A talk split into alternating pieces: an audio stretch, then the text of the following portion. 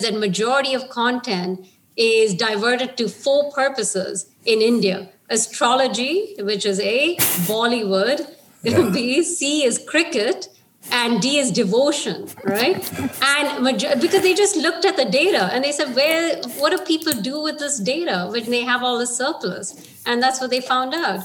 So yeah, and yet I think it's we just cannot stop thinking about them as extremely high risk populations you know? And so i think it's a huge barrier in people's mindsets. It's too exotic. It's too like unknown. And let's do the mainstream. But the mainstream is the margins of the consumer uh, market online. Welcome at uh, the bots uh, free speech podcast.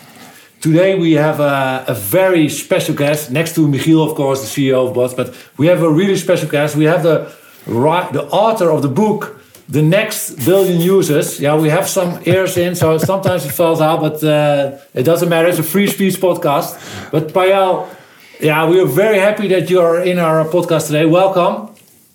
Thank you. Lovely to be here. I wish in person, but yeah, for yeah, now. Yeah, due to COVID, uh, we do it like this, but that's no problem.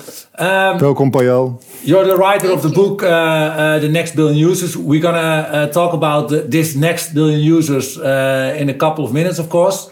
But first, we always like to start with uh, some news of last week. so we want to kick off with you. Do you have some interesting news to talk about?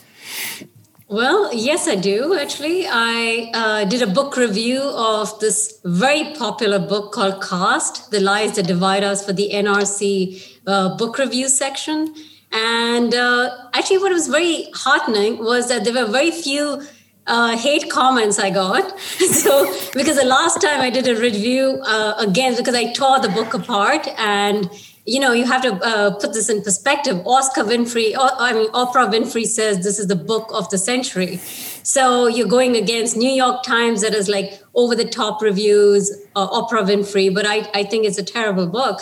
And, uh, but the previous time I actually went against one of these celebrity authors was Rutger Bregman, also for the NRC, and I got a crazy amount of hate mail because he has like this hardcore army of supporters here. So this time, I think you know it is hopeful that the the racist uh, racism discourse, uh, the way in which it's being articulated in the United States, does not uh, prevail out here or across Europe, which is extremely polarizing. And so I think that's heartening, and that's why I think people thought it was rather obvious. So there was no contestation against my review. Um, so yeah, I look at it as no news is good news. Good news, yeah. right? So I, th I, think basically your your review said it was um, enforcing the polarization.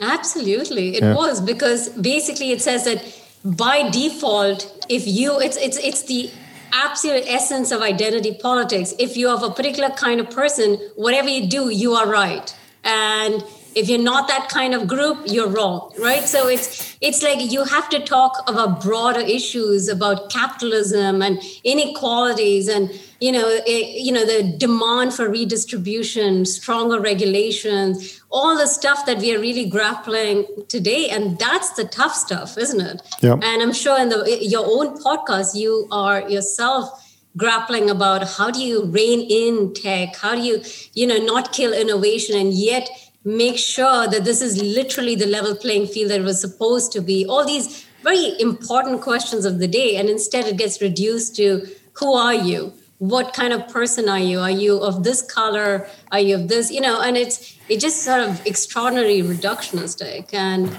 thereby i think the united states plans on continuing and entrenching this polarization for yeah. I think years to come. Yeah. yeah so given the, the, receiving of the book, you know. Yeah. So the, the, more you talk about it, the more words you make, uh, the more you enhance it, and the more realistic it gets. Yeah, I mean, this the polarization. Say, exactly. This isn't to say that racism doesn't exist. Absolutely, it does. I mean, this isn't to say entire groups of people don't get discriminated. In fact, it, if you translate this to even the technological sphere, We've seen that entire clusters of particular kinds of individuals, whether it's low income individuals from certain neighborhoods, you know, can get uh, discriminated. And we already have these cases in the Netherlands, right? So nobody's denying that. But you can't reduce it just to identity. That is dangerous yeah. because then we are missing the point of this larger, uh, you know, approach that we need to take, which requires thoughtful regulation, rethinking institutions, governance, and these are the good conversations because in the end it should not matter whether i'm a woman or a man or of a particular caste whatever. It, it shouldn't matter right? It that's the yeah. Yeah. we should we should be aiming for that not for saying you know what? Regard the only way forward is you better be pro black pro woman and that's the only way forward which is okay that's uh, that kind of ends the conversation right there. Yeah. Yeah it's in the Stranger Thing. My, my, my news is the, the Elfstedentocht. And you have to be pro Elfstedentocht in Holland. Yeah. That's the, that's the line here. Even if you're a prime minister, you have to uh, to uh, um, to keep all the corona rules very tight. Uh, you still have to be pro uh, Elfstedentocht. You know what it is, hè, de Elfstedentocht, uh, Payal? You mean the new regulations? No, the Elfstedentocht no. is like a we have to famous uh, skating uh, course through to Friesland, the, the province of Friesland. And uh -huh. it's like this really important thing for especially them in Friesland. And it hasn't been um, going on for like 24 years because of the weather, because it never like was this cold. And now it's getting that cold. So everybody is immediately going to say, oh, we're gonna start the Elfstedentocht, but it's not possible due to COVID because like hundred thousand people want to go there and stuff, and and and you you are you in Holland you cannot say you don't want it because yeah, there's like this cultural thing you cannot be against uh, yeah. almost. So we have the cultural. Yes, I guess it's like going against. You know, every country has their sensitive spots. Like, or the, you can't talk about uh, speed limits in Germany. It's like, yeah. oh my it's God, like you're that. going to the heart of the nation. You, like, it's an untouched yeah. subject, right? Uh, so it's, it's interesting. There's trigger points for every yeah. country. But I was reading, it was an interesting thing on the podcast as well from the correspondent, the, okay. the, the, internet newspaper, I must say. And they were talking about this polarization. And uh, research has been done also in the US about polarization. And it said that 2% of all tweets were from or like the really left side or the really right side. And so like only 2%. Yeah, only 2%. And this yeah. was like 98% of all tweets.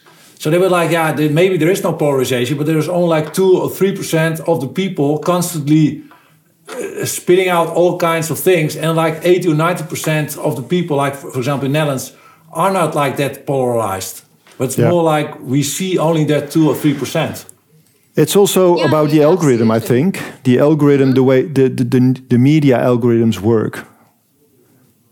Yeah, uh, absolutely. I mean, you know, because of uh, digital media, the fringe has become mainstream, at least perceived as mainstream, and it has a tremendous silencing effect because the that two percent is extraordinarily vocal, extraordinarily active, and can be very devastating in terms of the threats, the you know the the, the sort of uh, hateful speech, and it can intimidate the average. I mean, the whole idea of the majority being in the middle is they don't want this kind of extraordinary confrontation. So it is it silences people because they're like it's not worth it and then you start to believe that oh my god even more so this must be the norm and i'm the exception. I better shut up. So it just sort of almost creates the a reality right? Because of this perception. So yeah. it is uh, really i mean i think we need to rethink and companies frankly already have been put under fire to say think about the logic of your you know algorithm. And just because it is the best in terms of maximizing uh, content sharing and thereby more eyeballs, does that make it right? And I think, yeah, we are really in the midst of that, isn't yeah. it? Yeah, it is. Hey, Emma Payal, you, we, are, we also uh, were very interesting to speak with you because of we were reading this article in the Financieel Dagblad about your book, The Next Billion Users. And uh, Michiel and I were triggered enormously. And so, uh, as you know, Bots also wants to grow, especially in uh, in the, the global south. And uh, so, Who are uh, and also for our uh, listeners, who are those uh, next billion users? Users, sorry. Yeah, I mean, so I know it's a very grand title, and I yeah. have to say that uh, the title um, of the book came right in time, you know, in 2019 when uh, it just so happens that companies already start to recognize the potential of the next billion user market, which is very reminiscent of emerging markets. That's how people may be familiar with. Or, uh, you know, uh, in the 90s, uh, one of the top selling business books was called The Bottom of the Pyramid, which was this, uh, it, it was in the New York Times bestseller for a long time or also frugal innovation. And there was this whole trend with this idea of saying, hey, majority of the world's population does not get catered to because you don't look at them as consumers and that's a really stupid thing to do. Don't look at them as people who are like uh, you know are subjects that need altruism but they're legitimate consumers. And if you can turn your thinking around you actually can really have a serious future in your business models. Uh, now things have changed dramatically in the last few years with data disruptions. For example, Jio, which is uh, you know from Reliance, is sort of a data uh, and mobile uh, telecom company by a billionaire Mukesh Ambani in India, has made data so extraordinarily so cheap, cheap yeah. Yeah. like that even the people who are very low income in Africa, South Asia, uh, you know, Latin America have gotten online. Which means that if today AI is a future of digital economies, they are the so-called fuel because they're literally you know data points right? Which isn't to say that they need to be completely exploited which is what's you know another big concern. So the next billion users are literally the new young consumers uh, coming online most of them outside of the west. And we're talking about young in africa it's about 60% right? And this is just going to grow, and 50% of the population is going to be young people coming from Africa in 2050, right? So this is the future of all businesses if they want to cater to that, especially in the digital economy. And most importantly, is that they're driven by this need to self-actualize. So it's not that oh i want to check you know information for healthcare and crop pricing. No, they want to get on TikTok. They want to be on Facebook. They are consuming, and we. Uh, it's not a hypothetical. We already know this from the data aggregation. In fact, Jio's marketing principle is the ABCD principle for India, which is that majority of content is diverted to four purposes in India: astrology, which is A, Bollywood, B, C is cricket, and D is devotion, right? And because they just looked at the data and they said, "Where? What do people do with this data when they have all the surplus?" And that's what they found out. So yeah, and yet I think it's we just cannot stop thinking about them as extremely high risk populations you know and so i think it's a huge barrier in people's mindsets it's too exotic it's too like unknown and let's do the mainstream but the mainstream is the margins of the consumer uh, market online. And so basically, businesses are standing in the margin. How could you when you have the majority staring right in front of you, right? I, I was, uh, uh, I think it's should, I think it's the early, should be around 2002 or three. Uh, there was this book Pine and Gilmore. They, do you know the Pine and Gilmore? They invented the word the experience economy mm -hmm. and the leisure economy, and you said, well, the, the, their sole, sole uh, form of leisure is often digital. Could you expand on that? Yeah, it's because look, a lot of them are. Uh, so, I mean, have a snapshot in your head of uh, uh, auto rickshaw driver, basically like you know, um, three wheeler in Philippines. Okay, they are stuck in traffic jams and this is a you know the norm of majority of these countries terrible terrible traffic. You're stuck in there for hours at an end extremely unproductive time. So how do you cope with these extraordinary tedious times is you have your mobile media you're listening to music. In fact music listening was a key uh, adoption for a lot of these people uh, because they literally could cope with this extraordinarily mundane, tedious life. Or, for example, a lot of, uh, you know, we, we think about expats or you know the upper white collar people as the ones who are the true cosmopolitans jet setting having long distance relationships. Actually it's not. Majority of low income populations have been having long distance relationships for decades in fact like for as long as you can think because they go where the jobs are.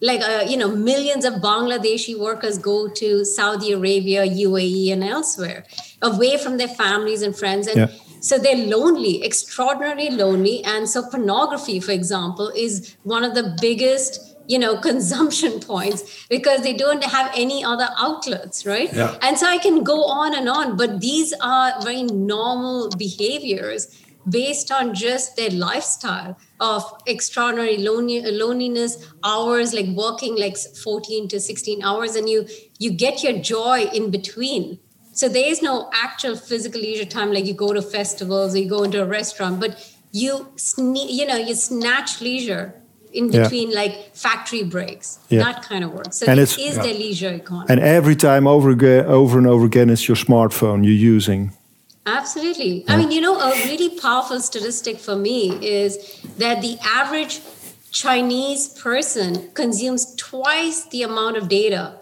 as the average American.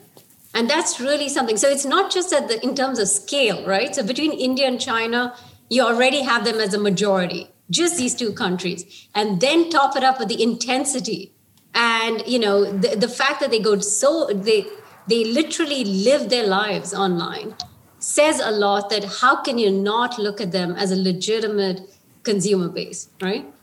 Yeah, and then you also said about uh, yeah we have of course multiple examples, but you told about uh, a couple of myths uh, uh, about how we think about the next billion users, and um, uh, one of them um, was all about privacy. That they really they really think about differently about privacy than uh, than we in the West, and and the, and the fact that something what, what, what triggered me was that uh, we in the West think that the people, the next billion users, all want all want to be like us, and then you said no, no, they want to be like, for example, Singapore. Yeah, so, I mean, absolutely, absolutely, right? I mean, because like Singapore, in fact, you know, if you look at uh, the entrepreneurs in Africa and in India they actually look at China, whatever China is doing right now, has done, and all the bad press. There's one fact is that it is the only country which came up with a legitimate challenge to Silicon Valley. And it has disrupted the normal business models of what tech innovation looks like right so this has given tremendous amount of hope for entrepreneurs and innovators in low income countries which saw that hang on with extraordinarily scarce resources because whatever said and done china is still a poor country i mean it is relatively wealthy compared to other countries in the you know in like for example in africa or uh, Kenya you know, in Latin America, Nigeria. but you know, they still come under low income. And so the fact that they manage with such scarce resources to come up with literally global contenders uh, to the tech innovation game gives enormous amounts of inspiration so they are looked upon as you know role models and singapore which is not exactly democratic in that sense does have a sort of paternalism of delivering, you know, healthcare, uh, housing. You know, there's very little like homelessness. Actually, it's almost unheard of there. Low crime rates, yeah. and people are, you know, it's uh, values are relative. Democracy and democratic participation, yes, is still a very essence of human need, but it's still a relative value because if I can at least have the other aspects that means I can have an everyday decent well-being, right? Yeah, yeah it's and a huge step forward. Yeah. yeah. yeah. Yeah. Okay. I was do you, I was also uh, uh, thinking about the dignity and uh, the, the cultural aspects of, of, of loose faith. For example, in my in, in the app, if you share your investing results and you're they're not that not that good or, or worse than others, uh, should we consider uh, these cultural aspects of, of, of status, gaining status, losing status, and how to how to sort of um, um, yeah, uh, uh, go uh, uh, how to be how do we uh, ethic, ethically deal with that? Yeah, so I mean, I think As this could also be tied to the question about privacy, right? Like, because Yeah. on one hand, privacy is a universal need. It's the essence. Every person needs privacy because what privacy does is it allows you to be who you are, which is very, very important to have. And especially, by the way, in a number of these contexts, which are like so liberal democracy is is a luxury. Less than 5% of the countries in the world experience a liberal democracy. That should actually give us pause because the norm is authoritarianism in its fullest spectrum, right? And so, under that, the privacy becomes very important, but it's still relative because what does it actually mean in these different contexts? So, for example, there's a deeply gendered lens because this whole losing phase is extremely gendered. For example, in many countries in South Asia and Africa, also in certain parts of Latin America, there's a lot of slut shaming. There's a lot of honor, you know, killings, which have this legacy of uh, like, are you if if you show your face? I mean, what is considered slutty or what's considered inappropriate is I could wear a sleeveless top. Actually, I could just show my face. In fact, our current, uh, my current research with my team is that even when girls are talking about something as inane as a sunrise or like hanging out or something, the comments will be like, "Why are you wasting time? What sort of loose girl are you hanging around? Who are you hanging around with? You can't just make a remark."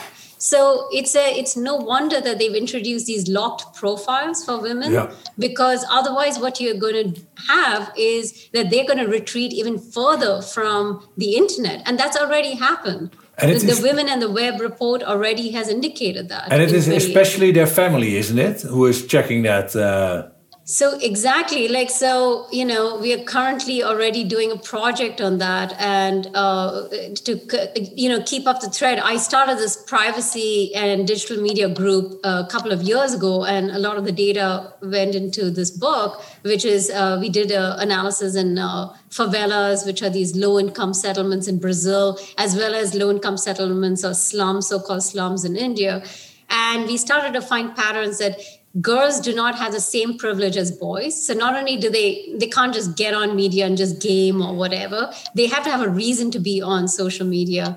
Definitely because uh, just being on it your presence itself shows you're not a, a girl with reputable character. You're not marriageable then. So what they do is sometimes they do it through their brothers or they use their father's account or you know so this really screws up data analytics you can imagine for companies because you have a profile or you have multiple profiles and whatever is portrayed may not be often it's used by multiple like the mothers the daughters daughter-in-law and because they live in joint families. And you usually have like say one smartphone in the house. So people have allocated times.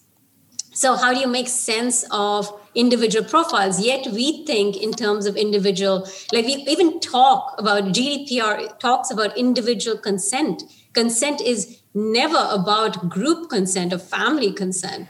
We we we think of as if free will is something Yeah. you can take for granted Yeah, GDPR is it's it's yeah it's it's a cul- cultural thing. It's individual it's, very, it's a own naive, consent. right? Because we we we think that the liberties we enjoy is the norm, which it's not. Actually. Which is not. oh. yeah. So, uh, yeah. Thank you so much. Um, did you do you uh, what what for Western investors or uh, like uh, innov- innovative entrepreneurs like us? Yeah, I also heard you speaking at a point about experimental hubs. I think it's also the way uh, China works, um, uh, the government of China. And do, what would you uh, advise on us how to to to reach that goal? Because the the, the good thing or the, the nice thing about your book, we had a mission, and our mission is to reach two billion. So we're halfway with your book. do you have some advice for us? Mean, look, I think it can be as simple as do not underestimate these markets. There's a lot of condescension still. I, you know, in the last year alone, I say things which to me are extraordinarily obvious that, hey, they are consumers, right? I have to say this again and again. And it is astonishing that I have to say this. And it's still not a convincing point, right? And then uh, basically after that, so don't underestimate it. Secondly, don't try to, uh, you know, somehow imagine a business model without collaborators. There's a lot of good people on the ground who know these cultural contexts and are already innovating very different uh, in very different ways. Partner find good partners. That's the way into it. Collaboration is key. We've done this with vaccinations right? We've seen actually even with governance and reform you cannot tackle this on your own right so I think that's really like I think the idea is Silicon Valley innovates and disseminates to the rest kind of uh, ideal still continues. And you know, people are like, yeah, but China's not innovative, right? Uh, Carly Fiorina just said that recently, also in really? a, I think just as a year ago, and this gets repeated. They're not really innovative because they're not coming up with new products. But actually, we shouldn't underestimate innovative processes because that's just as important as products because i may have a product but if i can't deliver it the whole infrastructure of delivery which is very cultural very contextual where you know you have to know the realities. Most people don't have credit cards. The reasons why people fail is not because your product necessarily was bad. So i think it comes down to good collaboration. Do not underestimate these markets and learn to be a little more humble about the you know how innovations is so centered in sort of design, but more about implementation. Yeah, but and how do you think? How do you look to like the we, we like bots is doing in trading? So trading is with money. So uh, uh, and also money which you have left. Uh, how how how is that? Yeah, how how can we see that in the global south? Because there's a lot of people you you told us is low income. So uh, and uh, do they have the money for that? And they made me feel like, oh, I want to cooperate in that, but I cannot because I don't have enough spare money. Uh, and I feel maybe offended uh, also. Yeah, I think you know it's it's interesting because um, GameStop. I'm sure you've been following. Yeah. Never heard of it. No, no. I mean, the reason why it has captured everyone's imagination is Jesus. Yes, you can actually this idea of anyone can be an investor yeah. is not such a big deal with small amounts of money is very resonant but it's not new because decades ago uh, Muhammad Yunus from Bangladesh won the Nobel Prize on that in terms of uh, convincing banks saying that listen stop looking at uh, you know potential banking consumers as individuals but see them as groups okay? So he came up with this whole self-help groups and particularly women as savers and he won the nobel prize for that. And you know that idea this is pre you know digital you know media blow up. And now people are looking at that is that even if you have tiny amounts of money right with the whole blow up of fintech happening in these markets, it shows that it's all a matter of scale. So if I get a few euros from a million people, yeah, yeah, I exactly. actually have a legitimate business. Yeah. Exactly. So, you know, and the barriers of entry and the barriers of operation have changed dramatically with digital media. No wonder the investments in fintech in India alone have quadrupled in the last year into millions of euros yeah. just in terms of seeing how they can partner with it everybody wants a slice out there yeah. and that's also happening in africa right so that's not new the question is make sure though that these are understand that don't come with legacies of banking practice they don't know it's not like they're moving from banking practice to digital media this is all they know in fact, digital payments is their first introduction to payments. To, yeah. Exactly. And usually it is made as a through gaming platforms. So, for example, in China, uh, the whole fintech market in, got introduced through gaming platforms, right? And it was like Alipay, etc. So it's it's usually through leisure because people are able to understand and compute it yeah, because it's like payment options it is a culture that i can translate easier no wonder that tiktok is issuing its own payment system every every entertainment platform is realizing they have more of a uh, you know chance in winning this game than a conventional bank because they know how to get consumers to think in these terms Yeah. Thank you so much, Payal, Yes. uh, for your insights. Yeah, Um, I think we are uh, uh, uh, finishing up. Eh? Uh, I think it was really interesting. Yeah, uh, we can talk for hours, of course, about this uh, subject, but uh, uh, we have a sort of a limit. Uh, now, uh, I want to thank you a lot. Um, also for our viewers and listeners, yeah, go get the book. Uh, the next, it's not sponsored by the way, the book. but uh, we just do it. I, and uh, yeah, it's an important question. Uh, we like promotion, uh, like uh, in a normal way. How can uh, people find you, Payal, if they have questions, or uh, is there a website, or can they? Yeah, of course. Firstly, thank you for having me on the show, Yeah. and it was really enjoyable. And for those who are interested in following up, I have a website, payalarora.com, and I'm also on LinkedIn, Twitter, you know, Instagram. So, you know, you can Yeah. follow me on any of those. All right. Perfect. Okay, thank you very Thank much, you. and um, have a nice one. And uh, thanks all the viewers and listeners. Uh, hope uh, next week uh, we will record a new uh, podcast again, and it will be live soon. It will be about uh, the secret of Silicon Valley. Okay, bye all. thank you very much. bye bye. Take care. Thank Bye. you.